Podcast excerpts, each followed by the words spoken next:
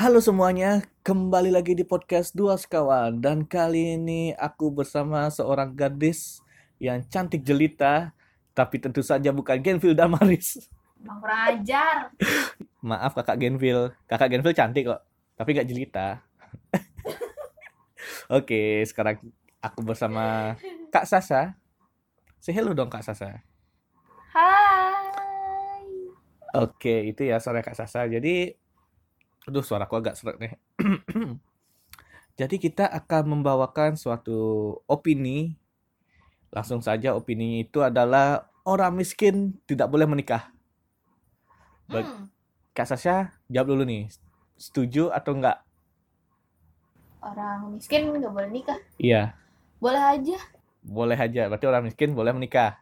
Hmm. Nah, sebelum lebih jauh ini, kita akan membacakan arti miskin dalam KBBI ya.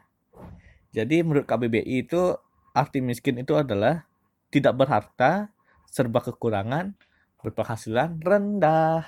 Begitu.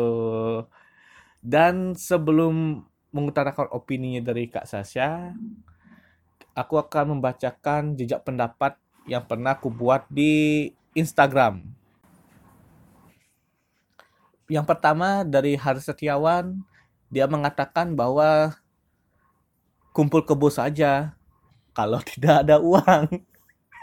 iya sih, tapi kan nggak gitu mainnya Ya bangsat. nggak gitu. Aduh. Nggak gitu, itu miskin iya, dosa nambah. Eh, Itu kayaknya emang emang dianya aja yang suka kayak gitu nggak sih? Anda pasti suka kumpul kebo dengan kawan-kawan pria Anda. Kamu ketahuan. Ketemu wanita ya dia dia nggak homo kok. Langsung kedua dari Kak Cika, dia mengatakan bahwa menikah itu bukan karena status kaya atau miskin. Kalau memang kamu suka, kamu sayang, dan ingin membawa hubungan itu menjadi sah dengan ikatan pernikahan itu wajar. Kalau masalah budget, masalah yang yang cuma mengundang orang tua, keluarga besar, sama pendeta itu ya belak- bukan belakangan sih ya itu bisa dikesampingkan dulu. Intinya kalau kamu sayang ya sayang ingin menikah dengan orang kamu sayang nikah aja. Itu menurut Cika. Eh, kalau kayak gitu ya, kalau dari pandanganku, kalau cuma sekedar sayang doang, saling sayang nih, tapi tidak bisa saling membangun, membangun di dalam hubungan itu, apalagi kalian mau ke jenjang pernikahan, apakah kalian yakin gitu? tapi tapi tapi tapi kalau memang sudah sayang biasanya biasanya itu dia berusaha untuk orang yang tersayang membuat bahagia orang tersayang tapi kalau usaha anda cuma jalan di tempat ya sama aja bohong. Eh, itu tuh gini, pernikahan itu nggak semudah itu. nggak semudah kamu sayang dia sayang Ya, nikah. Anggapan gini, kamu tuh udah-udah memutuskan untuk berpacaran, menjalin hubungan sama si pasanganmu ini.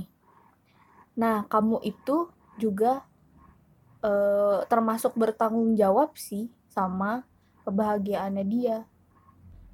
Memang kebahagiaan diri kita itu juga eh, kita yang yang yang bertanggung jawab, tapi ketika kamu membangun hubungan, ya kamu juga bertanggung jawab atas kebahagiaannya dia. Sama aja dia juga gitu sebaliknya ke kamu. Gitu sih kalau dari pandangan aku ya. Berarti harus saling mengisi juga entah itu finansial atau dari segi moral ya semuanya sih sebenarnya karena kan kamu memutuskan untuk berpacaran juga kamu harus eh, harus punya modal sama-sama punya modal nggak cewek nggak cowok sama aja Oke, langsung saja ya kita ke berikutnya. Tri Anggarani mengatakan bahwa boleh saja orang miskin menikah karena semua orang itu punya hak yang sama. Kalau emang kita menggunakan hak yang sama, mau dia orang miskin, mau dia orang kaya, mau dia orang cacat, mau dia orang keturunan dari dewa, iya boleh menikah Tapi kan ada hal-hal di mana yang suatu saat nanti untuk ke depannya supaya pernikahannya itu tidak jadi amburadul. Gini, banyak kasus bukan banyak sih, ada kasus orang kaya aja bisa cerai. Hmm. Apalagi orang miskin. ya kemungkinan besar ya Lebih besar kan chance ya buat lebih cerainya. kemungkinannya untuk berpisah Kayak Eh. mantanku kan janda. apa Nah, langsung dari berikutnya ada dari Kak Caca. Jadi, menurut Kak Caca, semua orang itu berhak menikah. Tapi menikah bukan sekedar hidup bersama orang yang disayang, tapi juga bertanggung jawab atas kehidupan dan kebahagiaan mereka. Kalau dibilang orang miskin nggak bo- boleh menikah itu mungkin karena sering melihat orang-orang yang belum berkecukupan secara finansial menikah dengan harapan berbagi beban bersama. Padahal biaya nikah dan after nikah itu sudah pasti tinggi. Bukannya berbagi bukannya berbagi beban malah nambah beban. Jadi Kak Sasha gimana? menikah juga membagi semuanya ya Termasuk- membagi beban iya membagi kebahagiaan iya dan menikah juga sebenarnya mau menambah beban sih ya kan I- Iya. Jadi ada orang miskin menikah dia udah punya beban nambahin beban dia mencukupi hidupnya aja susah. tapi nggak gitu ya nggak gitu Eh, kalau kamu bisa mengubahnya menjadi lebih baik ya justru jauh lebih bagus kan Ya siapa tahu dengan menikah bisa lebih baik kan. ya mungkin mungkin eh, lebih termotivasi untuk menjadi lebih baik dari sebelumnya jauh lebih baik dari sebelumnya Oke, terus ini aku bacain lagi berikutnya dari Kak Intan. Katanya ini masalah finansial. Menikah itu kan kewajiban dalam setiap Dalam agama. agama. Dalam agama ya, dalam agama ini menikah itu kewajiban. Apa pun agamanya pasti mewajibkan umatnya untuk dalam menikah. ateis kayak ya Ateis kan bukan agama, Anda. sih enggak kan itu ateis saya bilang bukan agama kan Iya, ateis kan iya. Tapi kan ateis bukan agama. iya kan aku nggak bilang agama juga. Jadi kayak setiap agama itu menunjukkan apa? Memberikan kewajiban kepada umatnya menikah. Tahu kenapa? Eh, karena sebagian dari iman Bukan. Kalau tidak ada keturunan, ya tidak ada umatnya. wah anda pengikut siapa anda anda pengikut siapa ya benar dong. Makanya setiap agama mewajibkan menikah. Aduh. Nah, itu tapi tetap dengan keputusan di tangan masing-masing. Kesadaran diri sendiri saja. Dan masalah miskin atau kaya itu jadi belak jadi belakangan dulu. Tapi di balik itu semua, apakah sudah siap atau belumnya yang dipentingin, bukan miskin atau kayanya di sini. Kalau dia miskin tapi siap dan berani berani untuk bertanggung jawab, ya boleh aja. Yang nggak bisa itu kalau mereka mengklaim menikah auto rezeki pintu terbuka, itu yang jadi masalah. Soalnya kan banyak orang yang mengklaim bahwa siapa tahu dengan menikah aku akan menjadi lebih kaya. Tentunya pakai miskin. Ya, Ada. gitu. anaknya susah sekolah. Iya Ih. kan, nggak banyak. enggak sebenarnya orang miskin tuh boleh nikah boleh karena karena jempol karena karena kelos Ya kembali lagi kan ke podcast aku yang kemarin membahas tentang ini. wah Iya, kemarin kan kita bahas soal gini. wah Kok wah terus loh. Aku jadi lupa kemarin aku bahas apa ya? Aborsi. wah berarti. Ada poin-poin di mana orang menurut Genfil tuh boleh melakukan aborsi gitu. pasti dia orang miskin.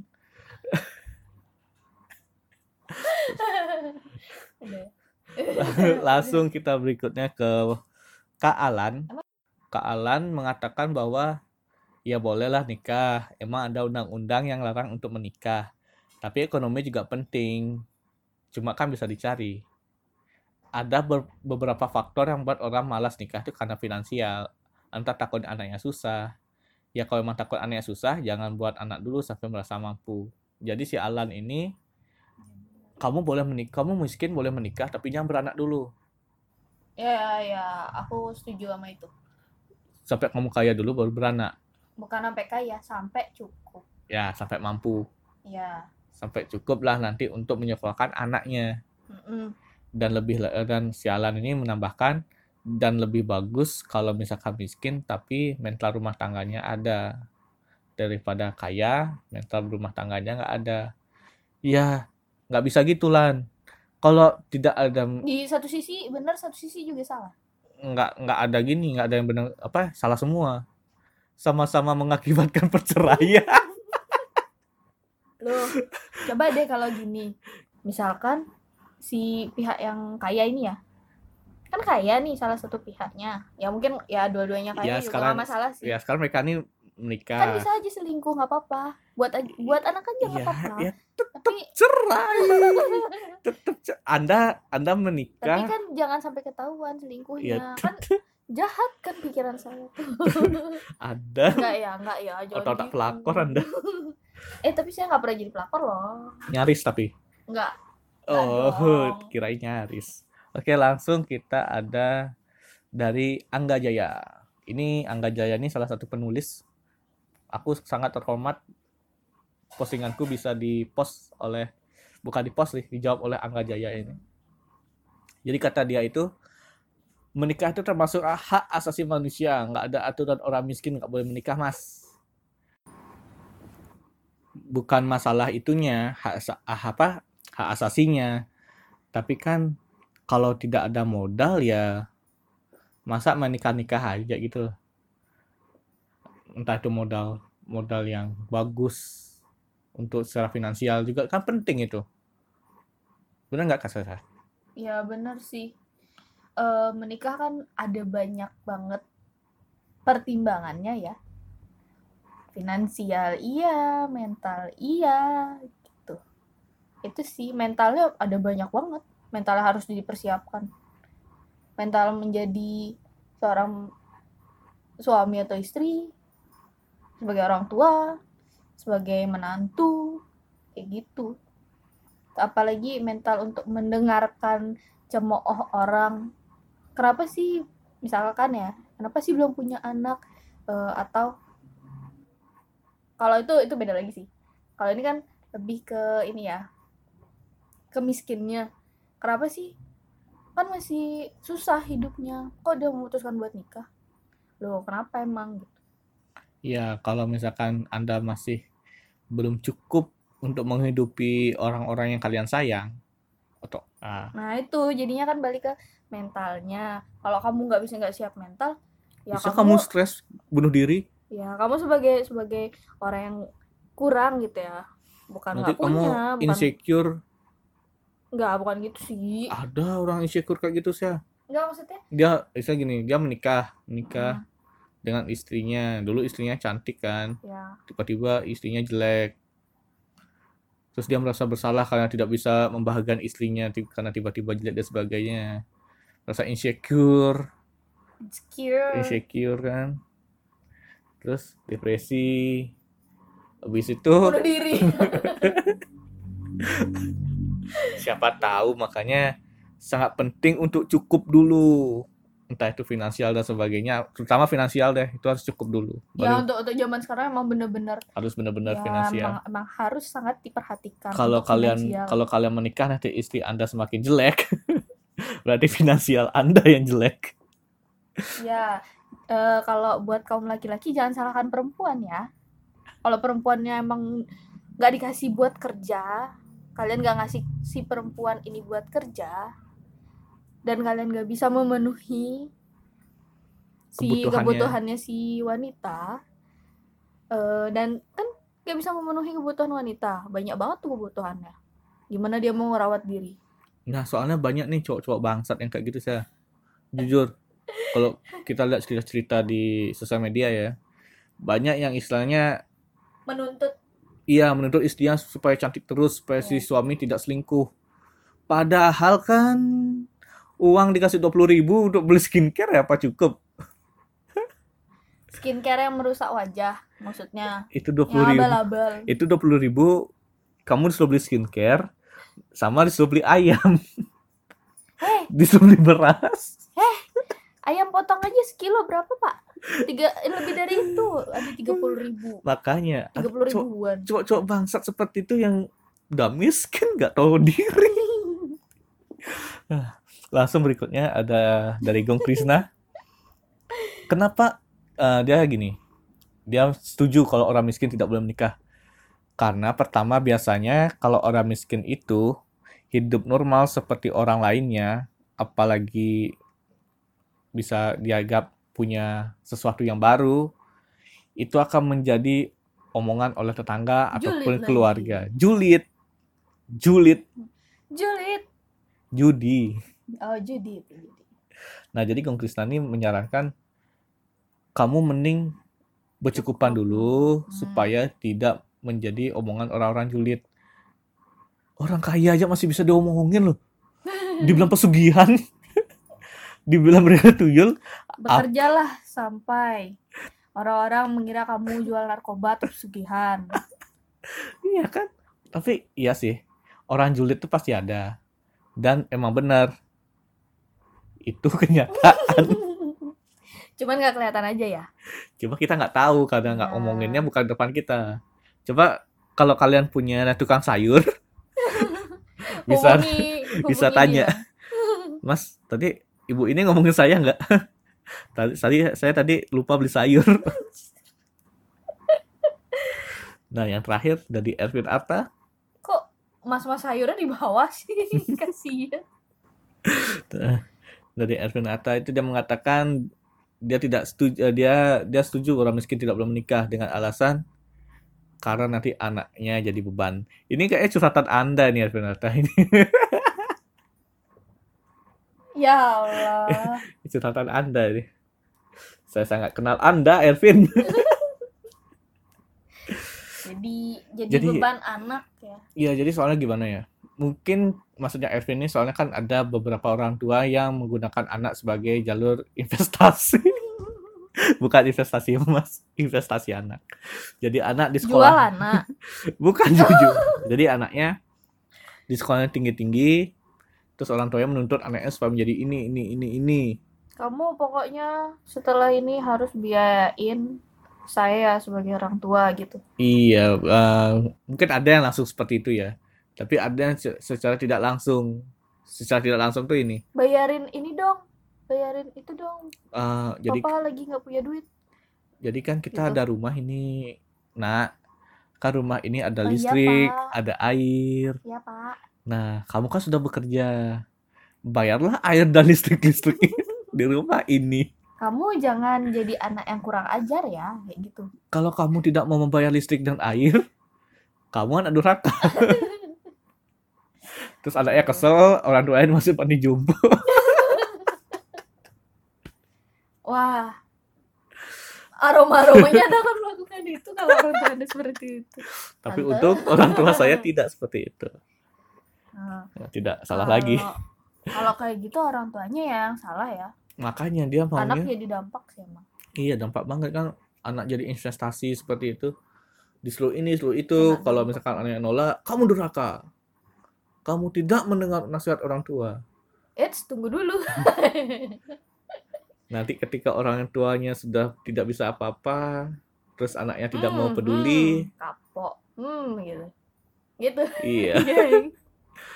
Si anak jadi bahan ceng-cengan tetangga. Inilah anak ini tidak peduli dengan orang tuanya. Kamu nggak tahu apa-apa. Eh, kita jadi drama sih. seperti seperti itu ada pasti ada.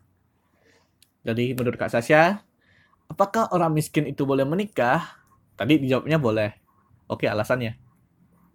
Karena ceweknya belendong. jadi mau nggak mau kan. Tidak mesti menikah. Tapi dipaksa buat nikah. Kan nggak mau nanggung malu. Sebenarnya kalau misalkan nggak mau nanggung malu sih itu lebih kayak eh, menutup bukan menutupi sebagian sebagian aib ya menutupi sebagian kemaluan bukan tuh pakai celana. Ya, s- eh, oke. Kalau misalkan kasusnya seperti itu, jadi ada orang pacaran, terus si ceweknya hamil, otomatis kan untuk menutupi itu semua harus menikah. ya ya jadi kan boleh kan Boleh. nah Tapi jujurnya cerai satunya. buat apa? ya kalau si cowoknya bertanggung jawab kan terus kan kerja keras nih nggak jadi miskin lagi alhamdulillah ya di luar konteks kalau misalkan dia kaya ada kok aku kenalan mereka nikah si cewek hamil padahal yang cowok nih orang punya tapi Ah. tetap saja mereka cerai oh itu kembali ke pribadi sih kalau menurut aku. Jadi ya, tergantung mereka menjalaninya kayak gimana. Eh anaknya apa kabar? Tapi kalau misalkan orang miskin menikah orang miskin menikah orang miskin menikah terus tidak mampu mencukupi kebutuhan tidak mau tidak mau berusaha untuk memenuhi semuanya lari dari tanggung jawab. Entah itu si cewek entah itu si cowok entah suami istrinya itu. Dan apalagi punya keturunan. Bukannya hanya akan menambah angka kemiskinan di Indonesia nah yang salah adalah eh karena tidak berusahanya itu. Itu yang salah. Udah tahu miskin nikah nggak berusaha lagi.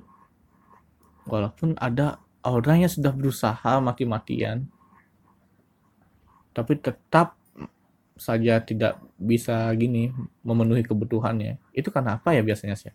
Takdir.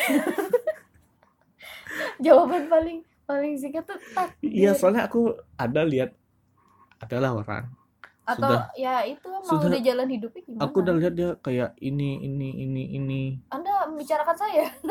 Sudah bekerja sepenuhnya loh ya iya saya itu. Tapi tetap ya diomelin istri. Aduh di dibilang tidak bisa membutuhi kebutuhan keluarga. Padahal temanku ini istilahnya sudah kenalanku ini sudah berusaha menurutku. Aku lihat usahanya sudah ada kok. Dia tidak malas-malasan semua kerjaan dia ambil. Ada beberapa faktor takdir. Enggak enggak no enggak enggak Eh, jadi ada beberapa ber- beberapa faktor untuk eh, masalah yang barusan itu ya. Entah mungkin eh, gaya hidup si istri. Atau emang si istrinya itu terlalu banyak nuntut. Jadi kan jatuhnya kurang bersyukur kan. Nah padahal bener kayaknya soalnya si istrinya ini kalau aku dengar ceritanya dia ya ya kayak si istri ini tidak pernah menghargai usaha suaminya. Dia tidak menghargai usaha temanku hmm. misalkan temanku bisa udah dinafkahin nih. Iya kita sudah berusaha. Dinafkahin full. Iya jadi suami suamiku lagi. Temanku ini nggak neko-neko. Maksudnya kamu tak kasih segini dikelola gitu. aku nggak minta harus ayam terus. Aku Mm-mm. nggak minta ini terus yang penting ada. Tapi si istri kayak nggak bisa dong nanti aku buat ini kurang buat ini kurang buat ini kurang dan sebagainya apalagi si istrinya nih ternyata juga bekerja jadi merasa seperti si istri ini lebih otoriter dari rumah tangga itu Oh. akhirnya jadinya suami suamiku lagi kleng temanku yang jadi pengasuh anak di rumah Ntar dulu. Si suami emang nggak bantu-bantu di rumah. ya sudah bantu istilahnya Bantunya- awal awalnya dia sudah bekerja si cowoknya si suaminya sudah bekerja Tapi tapi karena terdampak COVID. Apa gimana? Ya kena covid juga sih bulan Oh. ini. Istilahnya sekarang istrinya masih tetap bekerja tapi ya makin lama makin ke sini istrinya semakin otoriter. Dan menyalahkan si suami. Padahal aku lihat suaminya juga sudah berusaha keras. Ya ada sajalah cobaan itu. It- itu kalau misalkan kalian menikah dengan finansial yang pas-pasan. Kalau kayak gitu juga harus siap sih sebenarnya. Dalam apa ya? Kita kita jangankan hidup sama orang lain. Kita hidup sendiri pun kita juga harus siap up dan down-nya. Bener gak? iya fase mungkin Pas mereka kita- di fase down ini mungkin Pas ya kita naik pun pasti bakal ada cobaan. Cobaannya gimana? Contohnya gini, kita dikasih enak nih sama Tuhan. Kita di- lagi dicoba sebenarnya sama Tuhan. Tahu gak sih? iya Pernah nggak merasa kayak gitu? iya Wah punya nih duit banyak. Bisa nggak kita mengelola itu? Bisa nggak kita nggak foya-foya? Kita nggak nyalah gunakan uang itu? Kayak gitu loh. Tuhan tuh lagi nyoba kita juga kayak gitu loh. Nah. Mau kita bawa Tuhan ya. Iya, kita bahas. Soalnya gimana ya? Teman kenalanku ini juga istilahnya kemarin dapat rezeki banyak. Tapi uangnya habis buat apa pun. Itu jeleknya temanku ini. Oh, yang nikah ini. Iya, uangnya habis nggak tahu buat apa. Aku juga nggak dapat uangnya. Eh, Anda siapa? Tapi ya itu sekarang ketika down ini kayak semuanya saling menyalahkan. Temanku kalau cerita kayak gitu kayak dia merasa hidupnya paling berat. Ya emang sih, aku juga nggak mau adu nasib sih sama dia ngapain. Kan nggak boleh adu nasib seperti itu. ya Orang- namanya manusia ya. Mm-mm. Pasti eh, kurang aja rasanya tapi banyak juga cerita emang dia awalnya nggak punya terus tiba-tiba dia menikah ada rezeki rezeki lebih gitu. iya ada aja tapi aku nggak sense sih masih. Hmm. bukan bukan karena bantuan dari Tuhan kayaknya. Oh. tapi karena istrinya mungkin lebih bersyukur. Gimana? Maksudku gini jadi suami istri menikah. Mereka emang tidak punya apa-apa kan. Tapi si suami punya punya berani berani berani berani kayak gambling aku mau buka usaha nih. Oh. nah istrinya Nah. ngebantu. Hmm. ngebantu dalam hal? Jual diri. Demi apa? Ya enggak ya bantu ya bantu istri, suaminya jualan. Misalkan si suami buka nasi goreng ini. Nah, si istri masak. Yang istrinya bantuin di tokonya. Atau enggak misalkan paginya si istri jual nasi kuning malamnya si suami yang jual nasi goreng. Kan itu bisa membantu saling membantu untuk memenuhi kebutuhan keluarga. Walaupun mereka di bawah indikasi kemiskinan gitu. Di bawah angka kemiskinan maaf. Hmm. mungkin itu ya maksudnya orang-orang kalau misalkan menikah pintu rezekinya terbuka. Ya mungkin. Berarti tergantung pasangannya dong. Kalau misalkan pasangnya pasangannya tidak bisa bersyukur atas pernikahan yang terjadi dan malah menuntut saling menuntut misal ah, janganlah anggap cewek cewek cowoknya. Salah satunya aja, entah itu dia mau suami atau istrinya. Kalau tetap menuntut menuntut menuntut menuntut, ya nggak nggak baik. Ya itu hubungan yang toksik guys. Itu nggak baik. Jangan. Berarti jangan sampai lah kayak gitu. Berarti aku juga mempunyai paham orang miskin boleh menikah asal ya Asal. asal benar itu ada ada tapinya ada asalnya Anda tidak menuntut banyak-banyak. Mm-mm. Jangan Anda sudah miskin tapi menuntut ingin punya rumah 10 tanpa melakukan usaha apa pun. ya itu bener itu bener bisa, sih nggak bisa. Nggak bisa. Aku punya kenalan eh, sekarang dia punya rumah tiga. Hmm. Awal awal dia dia tuh perantau dari luar Bali. Nyampe di sini dia dulu katanya nganterin anak sekolah, nganterin anaknya sekolah tuh jalan kaki. wah jauh Ah, dari kalau dari Monamaning sampai Gunung Agung ini berapa kilo sih? Ada 2 kilo ya. lumayan tuh Ya, adalah sekilo dua apalagi jalan kaki gitu. jalan kaki. dia Nganterin- nungguin anaknya juga Enggak, jadi ditinggal anaknya.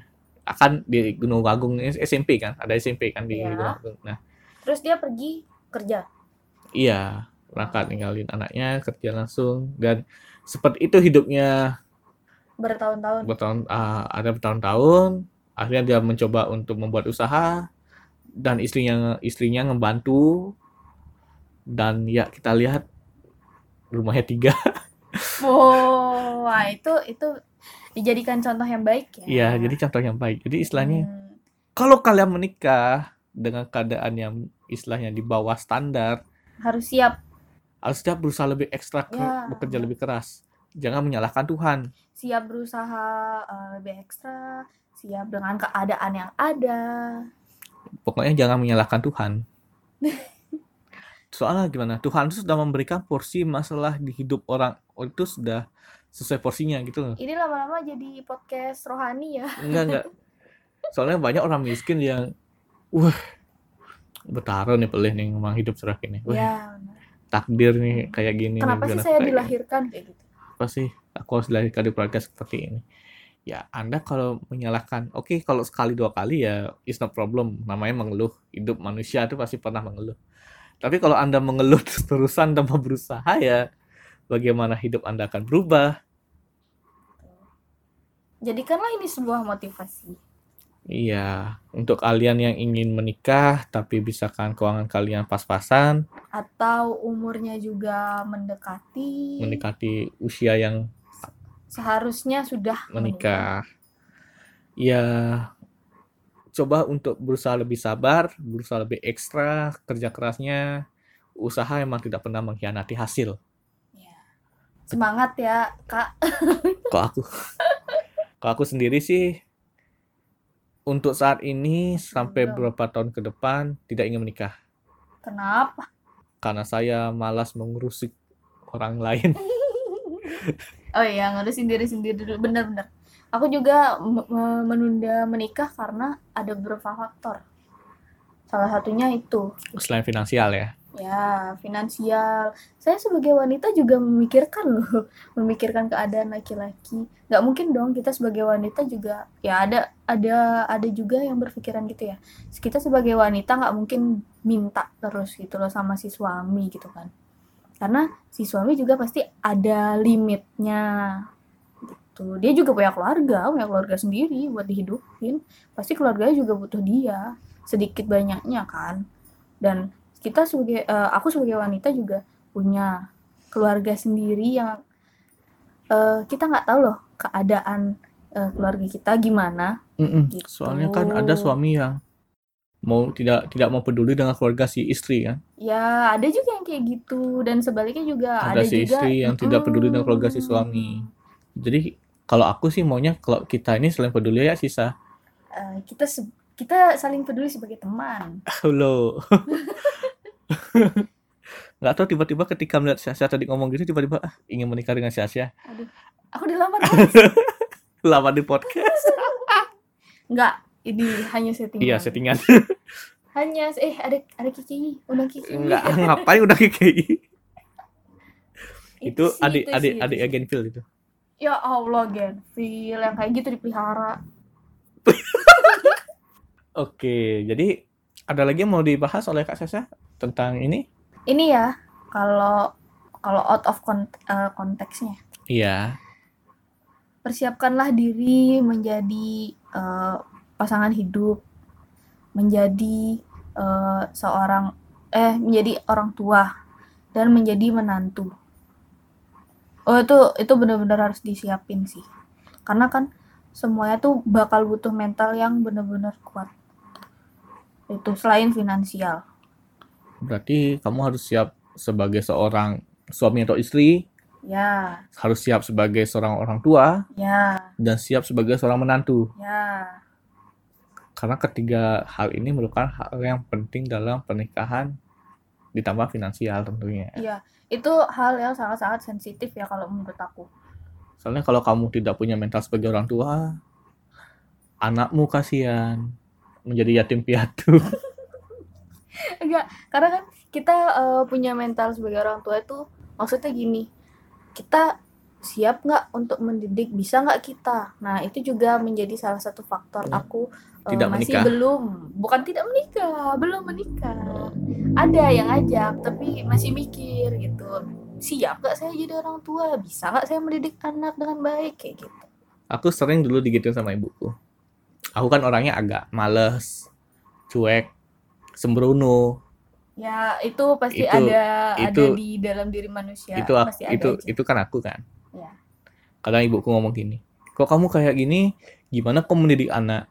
Kok kamu kayak gini, gimana kamu nanti ngajarin anakmu? Kok kamu kayak gini, gimana nanti kamu jadi seorang ayah, jadi seorang suami? Aku sering gituin kan sama Kepala ibu- keluarga. kepala keluarga lagi apalagi nanti kan. Aku sering gitu sama ibuku. Aku sampai stres loh, depresi loh aku dapat. Mikir, Ya. gimana sih caranya supaya aku bisa Ya, jadi jadi laki-laki sosok juga sosok yang nggak mudah ya. iya, jadi sosok yang bisa menjadi panutan, jadi Hmm. sosok yang bisa untuk bertanggung jawab sekali untuk keluarga. Oh, perfect lah. Akhirnya aku menemukan satu jawaban. Tidak usah menikah. Eh, tapi aku sempat mikir gitu loh. Daripada Anda stres berpikir. Maksudnya aku sempat mikir buat gak nikah dan ngadopsi anak aja udah. Jadi aku hidup sama anak aku aja. Kayak Aku- gitu. Aku sempat mikir kayak gitu loh. Itu Genfil. Masa? Genfil, Genfil lebih Oke, Genfil akan menikah. Tapi dia dia lebih baik untuk mengadopsi anak. Itu Genfil. Oh. Oh, tapi tetap Menik- menikah. gitu. Nah, bedanya ya istilahnya ya kalau dia menikah ya menikah tapi lebih baik dia untuk mengadopsi anak. Karena anak yatim di sini ini sudah banyak. nggak usah lagi nambah popul- populasi. Kasarannya seperti itu, kasar Genfil. Kalau aku sih mikirnya kenapa aku mau eh, hidup tanpa pasangan tapi cuma ngadopsi anak. Eh sempet ini juga sih dihianatin. Oh, gitu sakit deh. hati. Iya. Sakit hati. Ya udah udah. Jadi untuk podcast kali ini cukup sampai segini saja ya Kak Sasa ya. Udah, nanti ada episode 2 nya Episode 3. eh, Oh. bukan episode berapa nih? Eh, Oh, tiga enggak, sih. maksudnya episode 2 dari pembahasan ini. Enggak, enggak ada. Oh, enggak ada. Enggak ada. Mungkin Iya, nanti kita nanti mau bahas Aku mau dong diundang lagi. kau punya teman yang punya gangguan jiwa enggak? Oh, aku sempat. yang enggak maksudnya bukan depresi atau itu kan sudah sudah umum. Ya, ya, ya. Aku pengen ngangkat yang agak beda lagi untuk podcast berikutnya. Orang yang punya kepribadian ganda. Nggak ada sih kayaknya. Kecuali Kecuali Ada deh. teman ada deh. teman teman teman ya adalah temannya siapa pun itu mungkin berikut apa episode berikutnya akan membawa membahas episode berikutnya akan membahas tentang kepribadian ganda mungkin ya mungkin aku nggak janji soalnya nyari orang yang atau mungkin relevan untuk itu agak susah ya atau mungkin ada eh, saran-saran bisa DM aja di IG-nya podcast dua sekawan ya berasa ini channel podcast saya ya. ya nggak apa Genfil juga gitu kok Oke. oke ada lagi tidak ada Oke, ayo kita beli ayam sekarang. ada sudah lapar iya. Oke, tunggu kami di podcast-podcast berikutnya. Bye bye.